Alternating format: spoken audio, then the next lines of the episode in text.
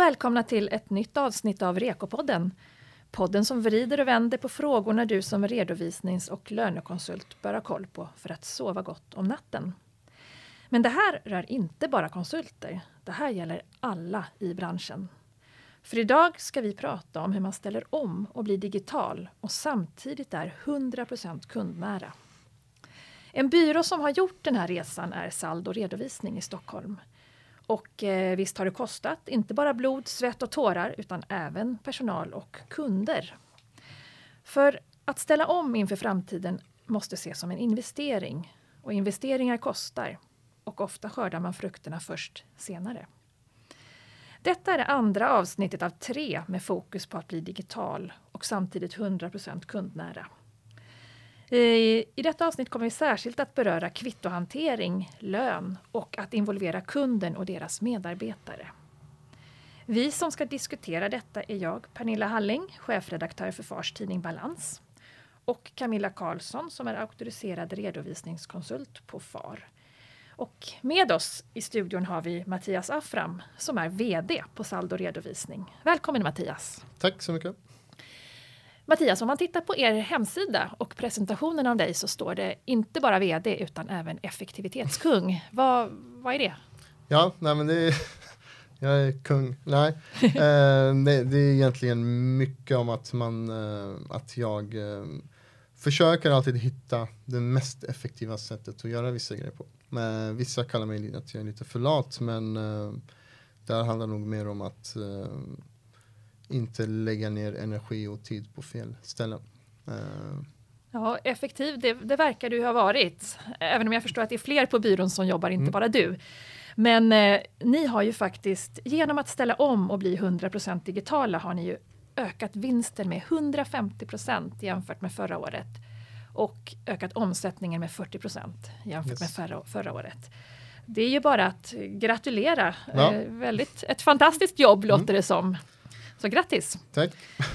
Um, det finns ju många delar i uh, en omställningsprocess och en del som vi ska prata om här är ju kvitto och uh, lön och en del annat. Men hur, hur, gör jag om jag ska automatisera hela kvitto och reseräkningshanteringen? Hur börjar ja. jag? Ja, men kvitton är väl det som egentligen är idag uh, faktiskt svårast att uh, ställa om och blir aldrig helt, helt digitalt på grund av marknaden inte är där än idag. Uh, men det första man måste egentligen göra det är ju egentligen att få bort alla kvitton från sitt bord på ett eller annat sätt. Uh, idag får man en ICA-kasse med massa kvitton i som man ska sammanställa och bokföra. Och, och bo, ska man bokföra ett kvitto på 20 kronor så kostar det mer för kunden egentligen att hantera det kvittot. Uh, så att här gäller det egentligen att hitta ett sätt att få bort den hanteringen Uh, och det absolut bästa sättet det är ju uh, ladda ner en kvittoapp i varje kunds telefon.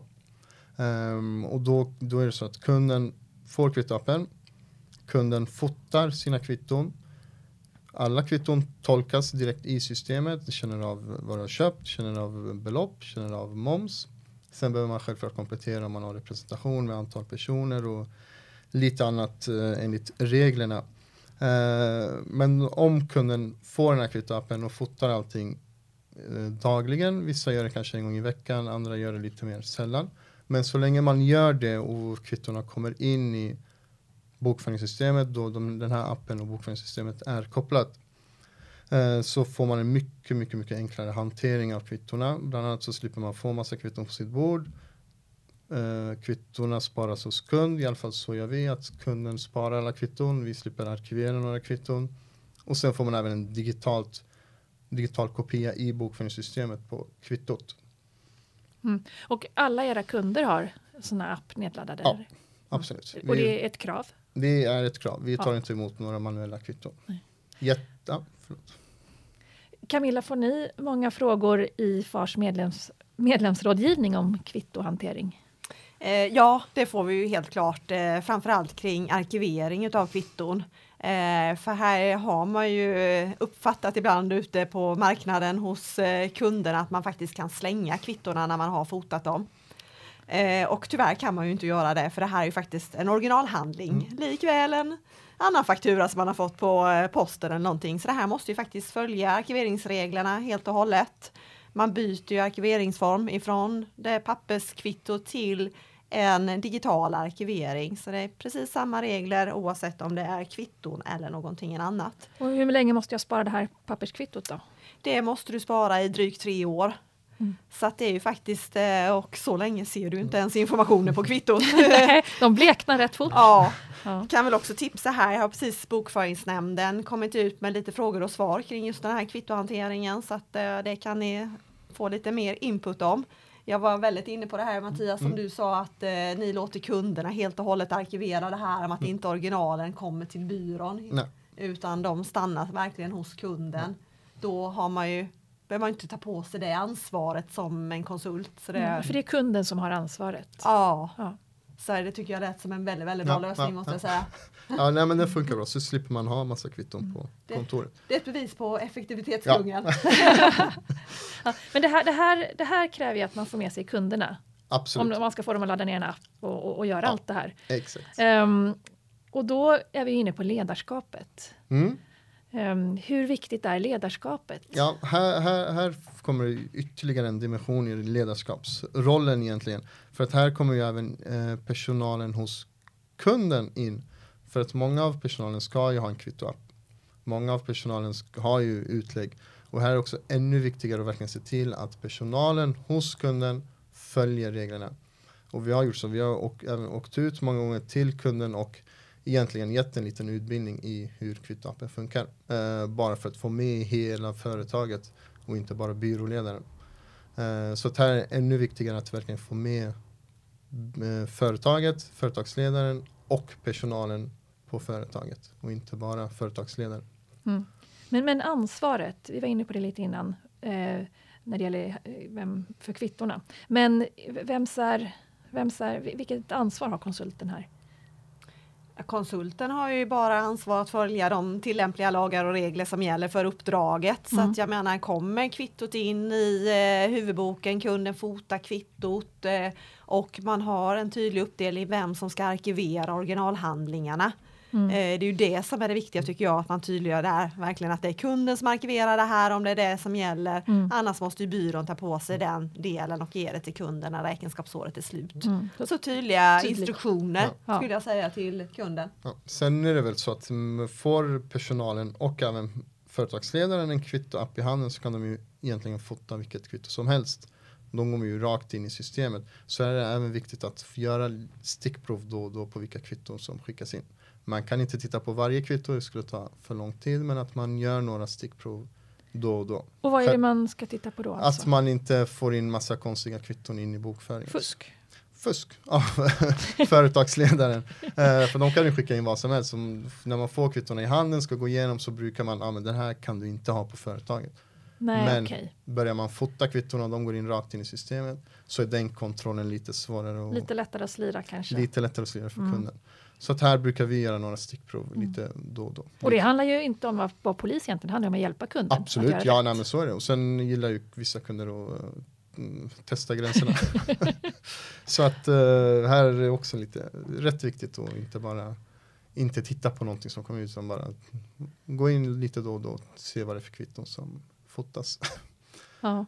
Är det en risk generellt med när det blir mer automatiserat och digitaliserat att, att eh, man liksom inte riktigt tittar på allt på samma sätt som när man håller det fysiskt? Ja, nej, men absolut är det så. Samma sak med leverantörsfakturor. Det kan, om det är en mailadress som fakturan skickas in till så kan det ju komma in egentligen vilken faktura som helst. Men här tycker jag att egentligen eh, bokföringssystemet ska vara mycket, mycket bättre och egentligen eh, upp, alltså, ge en liten varning så fort den känner att det kommer in någonting som eh, svartlistad leverantörsfaktura och något liknande.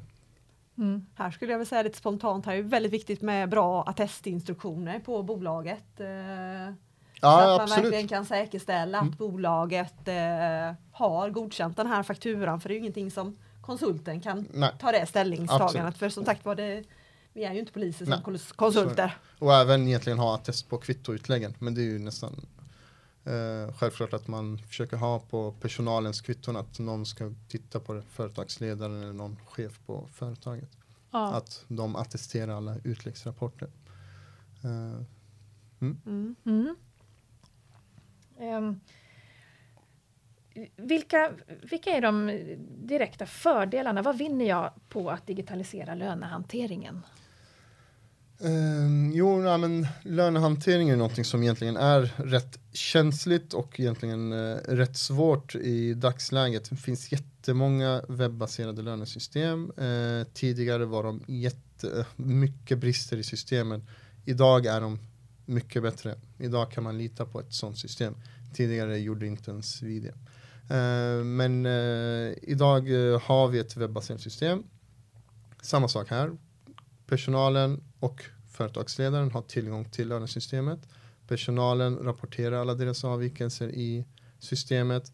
Det är ingen information som går via mail till någon annan som ska stansa in den informationen i systemet utan varje person har det ansvaret att de rapporterar direkt till systemet. Mm. Uh, Du sa att det var svårt och, och känsligt, men menar du att det inte är det egentligen idag? Eller? Nej, känsligt, löner är ju alltid känsligt. Uh, blir det fel så blir det fel. Uh, så Ja. då får man, frågorna uh, kommer ju rätt snabbt. Får man för lite pengar så är det ingen som är glad för det. Men tidigare så var faktiskt lönesystemen som ligger ute på webben brist, det var mycket brister i dem, funkade inte som de skulle och var, man kunde inte få in all den informationen man behövde. Men idag funkar det helt, helt, ut, helt utmärkt och vi har bara ett webbaserat system. Vi har Mm. inga lokala installationer. Och det klarar vi oss rätt bra med. Jag kan även tänka mig här när vi pratar lönedelar och uppsättningar var vi inne på tidigare avsnitt här också att det är otroligt viktigt med förarbetet. Också på det här så att vi verkligen får rätt antal semesterdagar, sysselsättningsgrader och eh, många moment som ska verkligen göras korrekt innan man kan börja köra löner i system. Ja, nej men precis. Så det är lite så med allt. Installa- in, inställningar och grundarbetet måste, måste, måste vara helt korrekta. Är de inte korrekta så, får man, så upptäcker man det rätt snabbt så då personalen kommer skrika rätt högt. Eh, så att eh, grundarbetet och även ledarskapet att verkligen lära ut till personalen ute hos kunden hur de ska göra, vad de ska göra och när egentligen allting ska göras. Vi vill inte sitta där 25 varje, dag, varje månad och betala ut lönerna. Utan man lägger en deadline den femte eller tionde varje månad. Så får de logga in och rapportera och så attesteras det av företagsledare. Mm. Mm. Är det här något som kostar pengar? Absolut, allt kostar pengar. Eh, Ja. Men i stora hela så sparar man in så mycket i tid att eh, tid och egentligen kontroll. Eh, för man över information manuellt så är ju mänskliga faktorn rätt stor att det blir lite fel någonstans. Mm. Kommer det direkt från system eller filer eller att uh, källan, alltså kärnan lägger in informationen direkt så är ju uh, felmarginalen mycket mindre. Mm. Så man sparar in mycket, mycket tid i. För att egentligen är ju bokföring mycket rätta, mycket titta vad jag har gjort och 50% av ens tid går ju till att rätta och titta vad man har gjort och vad, varför har blivit fel här. Så det är Mm. lika bra att gå på kärnan. De får rapportera det de vill ha, typ. Och då kan man inte skylla på oss heller. Nej. Men vad är det som händer här då? Får kunden sin lönespecifikation? Får man den direkt upp i appen? Sammanställningarna utav hela processen kommer direkt in i huvudboken. Är det här också ett helt automatiserat flöde? Absolut, kunden får en egen inlogg till, eller personalen hos kunden får en egen inlogg. Där kan de följa alla deras semesterdagar, komptid och flextid eller vad det nu är. Och så kan de även se deras lönebesked. Eh, och så fort man har gjort klart en lönekörning så självklart bokförs allting automatiskt i huvudboken. Mm. Är det här någonting som, som alla era kunder har? Ja, alla kunder som, har, som inte har ett eget eh, tidsrapporteringssystem eller eget lönesystem använder den, de, de funktionerna. Men vissa som till exempel restauranger, de har ju egna lönesystem där de eh, checkar in och checkar ut via en padda. Men det genererar ju också automatiska filer till lönesystemet. Mm. Och då hjälper ni kunden att komma igång med det här? Absolut. Ja, är, det, är det svårt? Nej, inte när de förstår vinningen med det hela så är det inte svårt. Det enda som är ibland kan vara lite svårt det är att motivera kostnaden som eh, kunden får på sig i licensavgifter på diverse system. Ja, och det, så det är, en, vad ska man säga, det är inte en försumbar kostnad. Jag förstår att vi inte kan säga några summor. Nej. Det beror på en massa saker. Men... Ja, vissa, vissa, saker är mycket, vissa saker är små pengar och det är inget som man bråkar om. Men vissa kan vara, är det tyngre system som kostar lite mer, då kan man få en liten diskussion med kunden. Mm. Och där är också någonting som egentligen som byrå man, man kan titta att man kanske delar på en viss kostnad med kunden. Det ska man inte heller vara rädd för att ta en liten kostnad för att egentligen spara ett x antal timmar i månaden. Så ja. det, det, är någonting som egentligen kunden också uppskattar, att man gör det tillsammans. Mm. Så kundens, eh, och få med kunden även här är väldigt, väldigt viktigt kan man väl säga. Absolut, nej, men så är det. Och är, är licenskostnaden eh, problemet till att kunden inte vill göra det, men då kanske det är värt för byrån att ta den kostnaden. Mm. Och så sparar man massa tid och energi och egentligen kontroll, slippa kontrollera och slippa få frågor på att det blir fel. Och ja. Då får man en helt automatiserad lösning. Känns som att ju mer man pratar om omställningen desto mer förstår man att ledarskapet är ju den, vad ska man säga, kärnan i det hela nästan. Ja, ja men absolut. I alla, alla mm. delar. Det känns viktigare än tekniken egentligen. Ja, ja, men tekniken finns ju, sättet att jobba finns ju, allt finns ju ute på marknaden. Det är bara att välja det som man känner är bäst. Men om man inte har ledarskapen så kommer det tyvärr aldrig funka. Nej. Och klart, eh, då är det otroligt viktigt med ledarskapet att man får med sig alla medarbetare på byrån och alla ägare på byrån överens, att man verkligen vill dra åt samma mm. mål. Absolut, och vill man inte dra mot det målet så finns man ju inte kvar om x antal år. Så är man ju borta rätt snabbt. Eh, ja. faktiskt. Och eh, i en sån här process förstår jag att man får vara beredd, du säger, säger, att man kanske får vara beredd att ta några kostnader för kunden för att få kunden med eller mm. dela på. Och eh, man kanske till och med får vara beredd på att tappa kunder. Hur ser du på det? Ja, nej, men det är också en sak som eh, vi har diskuterat rätt eh, mycket med andra branschkollegor.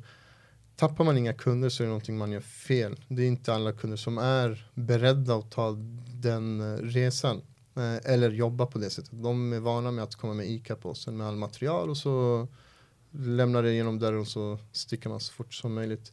Och så hoppas man på, det, på att det löser sig. Eh, så de kommer ju alltid finnas. Eh, men det känns som att de är färre och färre. Och eh, när de verkligen vet hur det funkar att jobba på så uppskattar de det och tycker att det är jätteskönt. Mm. Slippa få massa post och ja. Mm. Så att det man kommer tappa vissa kunder. Mm. Och det har ju du, eller ni på Saldo har ju erfarenhet av Absolut. det. Absolut, vi har tappat ett par kunder. Ja.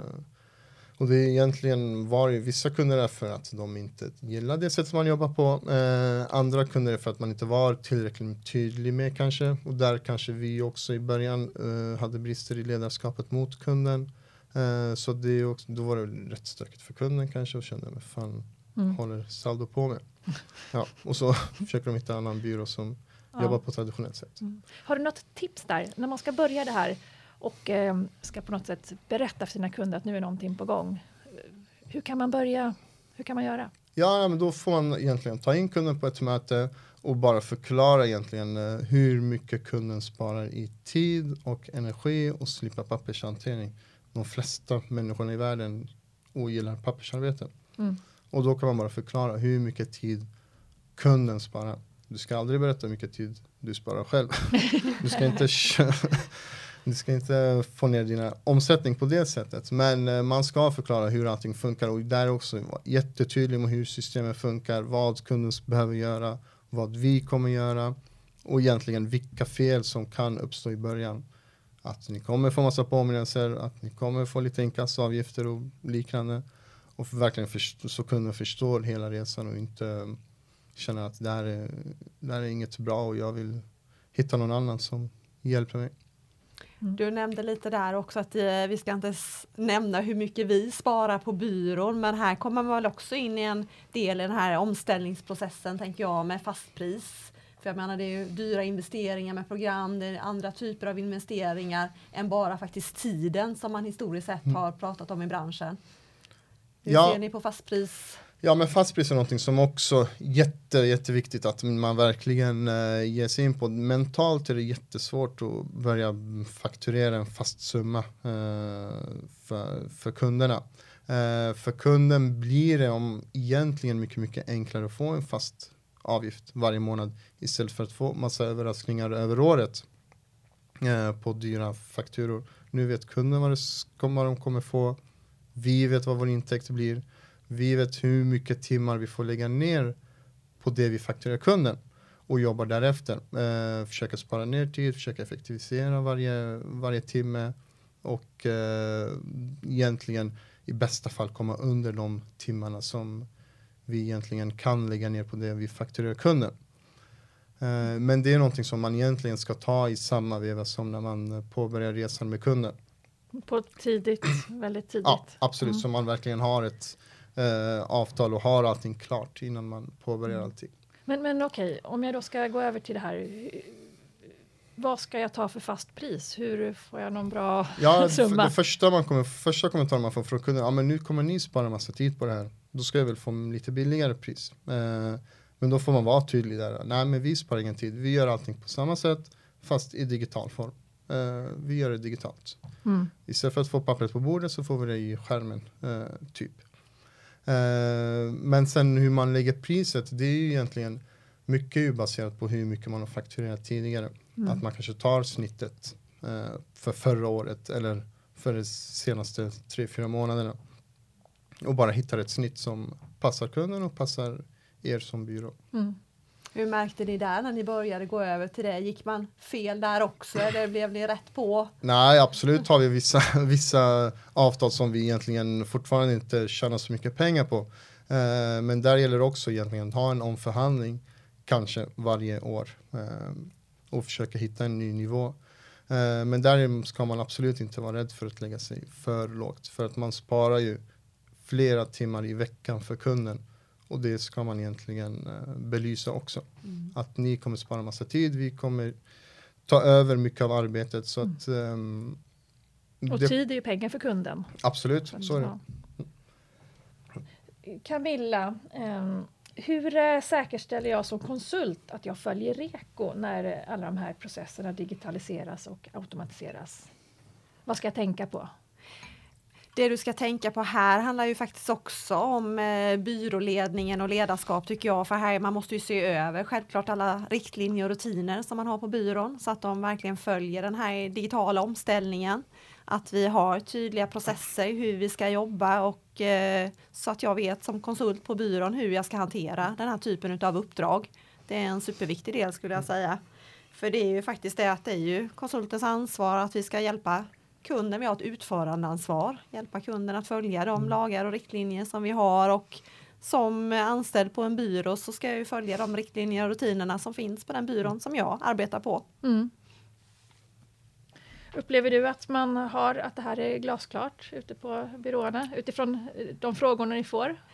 Nej, många är ju eh, funderar ju mycket på det här när man ska ställa om och just det här, ska vi göra alla kunder på en gång eller ska vi bara ta nya kunder? Man överlappar ju mycket i sina arbetssätt kan man väl Mm. säga. Det är väl någonting man märker väldigt, väldigt tydligt. Det är Mm. ju inte så många som har gjort som Saldo som Ja. ställer om direkt på alla kunder. Eh, så här, ja, finns väl Men en viss... blir inte det jättejobbigt om man har två olika sätt att jobba på? Blir det inte? Jo, nej men så är det absolut. Och det är jätt, egentligen är det rätt, rätt farligt att jobba på två olika sätt. Eh, ska man jobba på traditionellt sätt och digitalt sätt så eh, är det en risk att man vissa tider i månaden har för mycket att göra. Eh, Mm. då det, dag, det digitala arbetet eh, görs ju nästan dagligen. Att man går in och jobbar lite i varje kund. Eh, Medan en traditionellt sett så jobbar man kanske två, tre dagar i veckan med den kunden. Och jobbar man två, tre dagar i veckan med en kund då hinner man inte hantera sina digitala kunder om man kan så. Eh, eh, och då har man helt plötsligt för mycket att göra de, eh, de perioderna i månaden. Så det är jätteviktigt att bara jobba på ett sätt. Under övergången absolut så kommer det vara att man jobbar på två olika sätt men så småningom så ska man fasa ut eh, det gamla sättet. Alltså välja, välja väg. Precis. Mm. Jag tror också det är viktigt för där upplever ju en del som börjar gå över att det tar lika lång tid att vara digital. Ja. Eh, Men eh, det känns ju definitivt inte så när vi har pratat här idag. Nej, så är det. Du Eh, vinner effektivitet. Absolut. Mm. Och man behöver egentligen inte vara rädd för att gå över heller för det är, systemen är superenkla. Alltså det är superenkelt. Så att det, det är bara, bara att gå över till det nya sättet. Det, alltså det finns, finns inga argument emot eh, faktiskt. Finns det någon tidpunkt då det är mer lämpligt att, att börja en sån här omställningsprocess? Hösten. Hösten. hösten. Varför det? Efter alla bokslut. ja. ja, så att hösten är en bra eh, typ nu. Man är laddad med energi efter ja, sommaren. Absolut. Så. Ja. så det är bara att sätta igång. Så är det. Mm. Ja, eh, har du slutligen några så här supertips?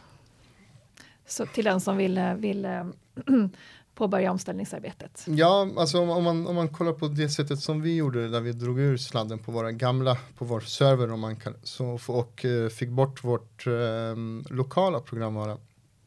Eh, så eh, hände det ju något självklart. Alla gick över till det digitala men det gick lite för snabbt.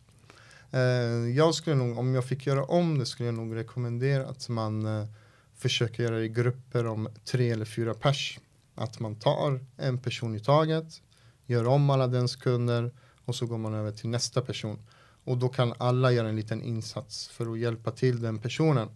Gör man det mm. ensam kan det ta lite för lång tid. Så att gör man det i grupp så gör man en liten insats på, det behöver inte vara jättemycket tid, men en tio minuter varje dag som varje eh, person i gruppen lägger ner tid för den person som man gör om. Mm. Så det är faktiskt en sak som jag hade, skulle, om jag hade gjort om det skulle jag nog eh, satsa på det. Att Istället gör... för att dra ut sladden för ja, alla direkt. Ja, precis. Som mm. man gör i grupp, gruppvis, där man har en, en ledare i gruppen mm. som håller i taktpinnen. Mm. Men då innebär det att byrån har eh, två olika sätt att jobba, men varje medarbetare eh, har bara ett, alltså går över till det digitala. Ja, alla precis. Sina kunder. Att man eh, grupperar, grupperar eh, hela, hela teamet, hela byrån i tre, grupper om tre eller fyra pers. Mm. Och sen ger sig den gruppen tar en person i taget i den gruppen eh, och ställer om dens kunder. Mm. Eh, så att den inte får för mycket att göra. Mm. Så att eh, vad du har lärt dig av er process är att ni kanske rusade lite för fort? Eh, mycket för fort, mycket för fort. ja faktiskt. det, gick, det gick för snabbt. Mm. Det händer ju grejer. om man inte gör på det sättet så tar det ju sjukt lång tid och det var ju det vi testade i början. Mm. men sen förstod vi att vi måste göra något för att det ska gå lite snabbare. Ja. Men då gick det för snabbt. Mm. mm. Så man får alltså vara beredd på att det tar lite tid. Absolut. Och ledarskap. Ledarskapet är viktigt och det får ta lite tid. Absolut. Ledarskapet är det viktigaste. Mm. Allt annat finns och uh, funkar. Ja. Ja, det här är ju, vi skulle kunna prata hur länge som helst om, om, om de här frågorna och det är tur att vi har eh, fler eh, avsnitt av Rekopodden som tar upp eh, digitalisering och automatisering. Um, och ju mer man pratar om det, desto tydligare blir det att ledarskapet är eh, det man måste utgå ifrån. precis som du säger Mattias, allt, allt annat kan man eh, köpa eller lära sig, mm. eller sådär, men ledarskapet ja.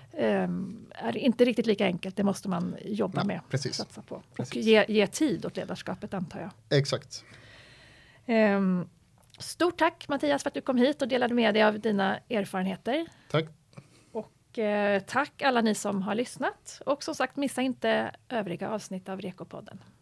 Tack! Bra. Tack! Hej då! Hej!